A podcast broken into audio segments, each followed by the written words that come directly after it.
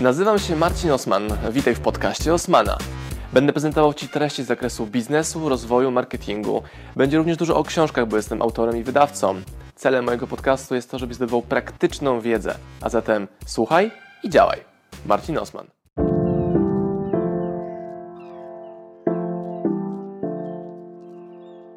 Tajska przedsiębiorczość działa tak, że oni pytają My friend, how much? Powiesz za dużo? Przepłaciłeś. Powiesz za mało?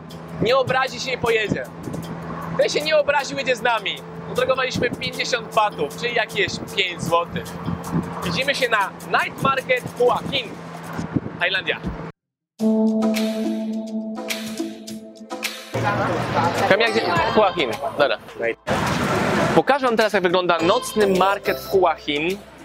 To jest miejsce, w którym przedsiębiorczość weszła na najwyższy poziom. Tutaj każdy sprzedaje, każdy kupuje. Pokażę Wam, jak to wygląda z mojej perspektywy. Zapraszam. Rzeczą, która jest niesamowita w Tajlandii są ogromne ilości świeżych owoców. Macie każdy rodzaj owocu. Moje ulubione to ananasy i mango. Świeże, pachnące, soczyste. Wręcz za grosze. To jest najsłynniejszy owoc durian. Podobno, że śmierdzi. Ale on śmierdzi tylko jak jest długo zostawiony i tego się boi każdy turysta, ale ty jak będąc w Tajlandii koniecznie spróbuj duriana. A ta kiełbaska to tamaryndowiec, to daje smak kwaśny potrawą. Wszystko są takie śmieszne kulki. I ja będąc na wyjazdach a to i lokalne jabłko. Ja będąc na wyjazdach testuję różne opcje owoców, bo to powoduje, że mogę poznać lokalną kulturę przez smak, zapach, dotyk. Komuga!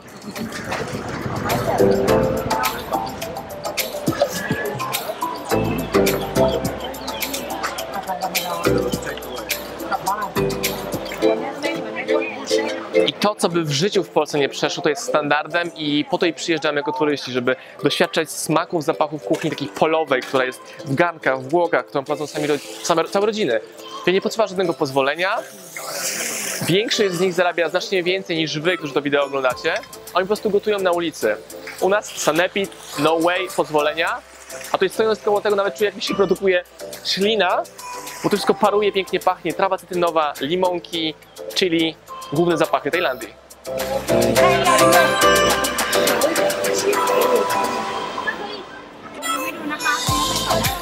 Tajlandia to miks smaków. Możecie doświadczyć tutaj szaszłyczków, kurczaków, owoców morza, langustyny, które są super świeże, super pachnące. I to wszystko jest robione w bardzo prosty sposób. Czyli zwykły grill i zobaczcie, jakie tej stwory można doświadczyć. Langustynka. Lobstery. Lobstery są całkiem drogie w polskich restauracjach. Tutaj możecie takiego jednego wielkoluda, o takiego, zjeść za jakieś 80-90 zł i wszystko super, super świeże.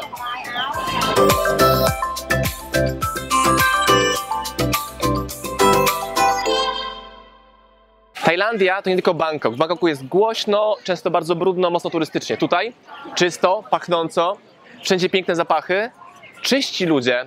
Jeśli podróżujesz, polecam Ci poeksperymentowanie w różnych częściach tego kraju, aby naprawdę zobaczyć, jak mieszkają lokalsi, ale również jak lokalsi sprzedają, co sprzedają, jak produkują, jak podają jedzenie turystom, którzy potrzebują czegoś więcej, czegoś innego niż tylko Bangkok. Tajlandia to oczywiście kokosy, które możecie sobie doświadczać w różnych formach. Większe, mniejsze, mniej słodkie, bardziej słodkie. Kosztują 35 batów, czyli około 4,55 zł. To absolutnie smaczne, wyjątkowe i z tego znana jest Tajlandia. Nie znam dokładnych statystyk, natomiast podejrzewam, że większość kokosów, które jemy w Polsce, pochodzi właśnie z Tajlandii. Moja hipoteza, nie wiem czy prawdziwa, tak mi się wydaje. I to właśnie w Tajlandii jadłem po raz pierwszy lody prawdziwie kokosowe, co oznacza, że są zrobione z kokosa, a tutaj pan go wydobywa, mieli, dodaje różne ciekawe smaki jeszcze, to jest 100% pure kokos. Jak będziesz w Tajlandii, koniecznie spróbuj kokosowych lodów, a nie takich algidowych, prawdziwych lodów z kokosa. Dzisiejszą kolację zjemy o w tym miejscu i możesz sobie dokładnie wybrać sam, na co masz ochotę. Muszle. Może kraba dzisiaj? O!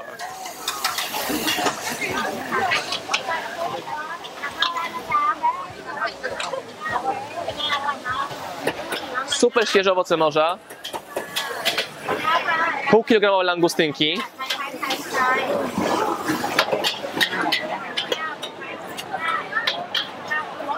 I lobstery. Ogromne lobstery.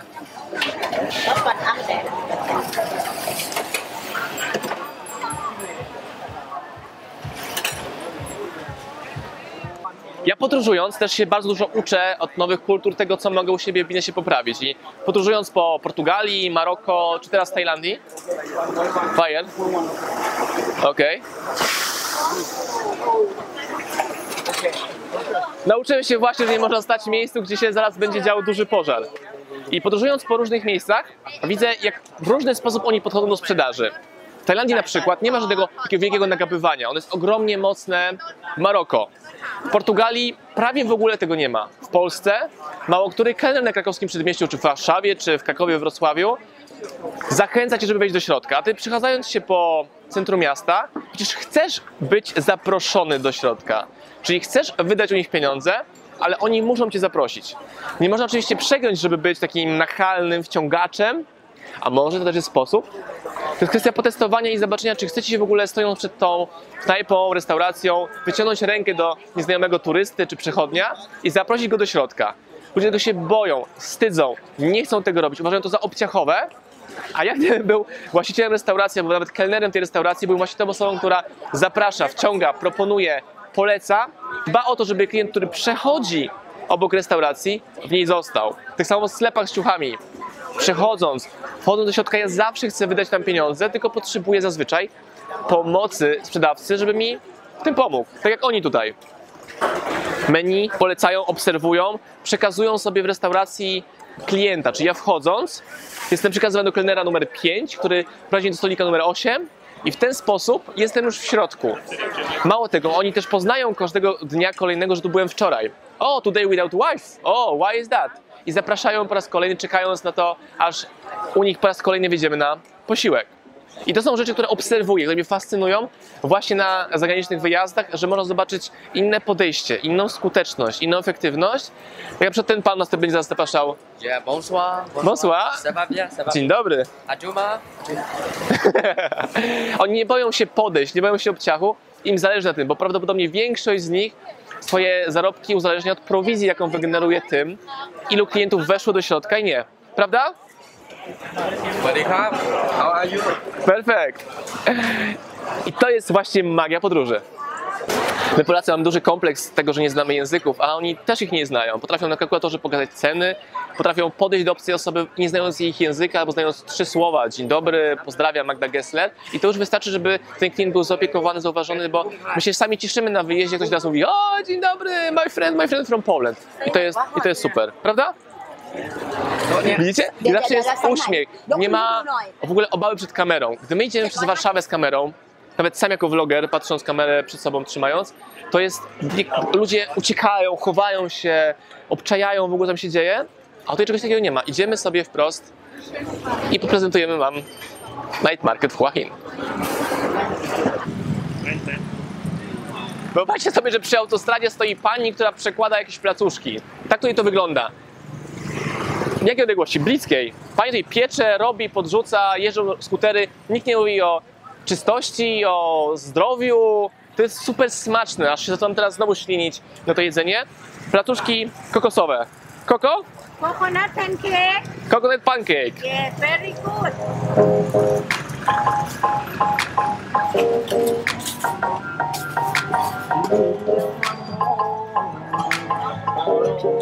Najlepsze jest to, że tutaj każdy praktycznie to samo sprzedaje. Te same ciasteczka, te same jedzenie, ten sam towar na tych stoiskach i to nie przeszkadza nikomu, bo wygrywa obsługa, wygrywa kolor. Mają takie samo menu, wydrukowane w samych miejscach. Też myślałem, czy przypadkiem to nie jest jeden właściciel kilku takich straganów. Nie wiem. Ale oni cisną, hastlują, sprzedają, nie boją się, nie wstydzą się tego, bo wiedzą, że nie mają wyboru. Oni muszą zarobić na swoje rachunki.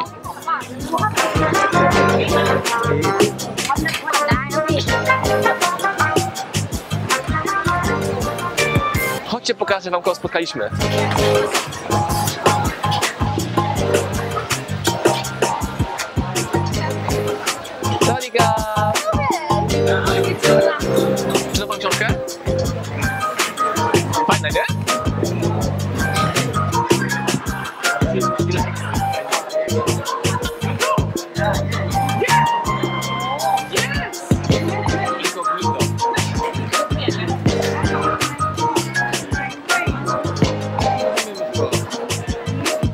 sell more lobster?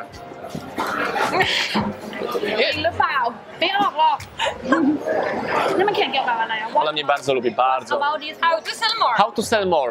O, you see? อ๋อแล้วเนี่ยอยู่ที่เขา Daughter, daughter. This, no. โมนะโมดิส New, new friend, new friend. Jak znaleźć przyjaciół i zys- zje- zjednać sobie ludzi? Pisząc książkę. Idzie do nas. Witamy zupę Tom Yum. Nie. Toka? Green curry. Green curry. Mamy green curry, mamy cashew nuts, seafood i... Green curry, w którym są... Gdyby się dało pokazywać w ogóle zapach, na kamerze, to byście się tak ślinili, i myślę, że jest tam też dużo śmieci, ale to pokażemy na koniec, nie? tak. Śmieci, czyli imbir, galangal, trawa cytrynowa i wszystkie inne super przyprawy, których nie da się jeść, a nadają głosu. Twoje ulubione. W Tajlandii w ogóle nie ma noży, dają nam widelce i łyżki, to są takie ostrawe, dzięki, dzięki czemu można wciąć. Nie chcesz tego ryżu? Jeszcze trochę leżą. Mięso jest są na takich bardzo cienkich plasterkach, co też mogą bardzo szybko gotować na świeżo, nie ma ogrzewania. I ryż jest po to, żebyśmy byli w stanie w ogóle zjeść to. Co wcale nie jest ostre na ich standardy, ale nasze jest ostre.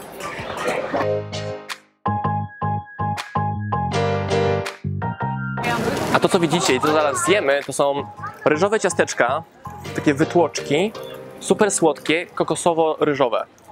How much? 25. Yes, please. Mi takie rzeczy kojarzą się z domem, jak mama miała takie mniejsze i robiła z tego orzeszki, takie dwie łupki. Nie wiem, czy też to pamiętacie.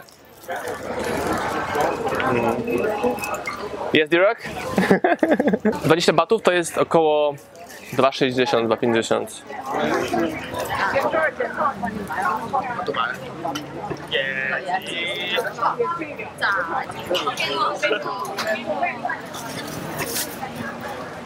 Musimy stąd odejść, jest tak super gorąco. Na zewnątrz lupiące, a w środku super płynna. A, gorąca. Nie bez powodu Tajlandia jest nazywana kuchnią świata. Mnogo smaków, jedzenie uliczne, bardzo wyraziste smaki. To jest akurat kokos i ryż. Natomiast główne smaki to nazwałbym kolendra, chili, trawa cytrynowa, tajska bazylia,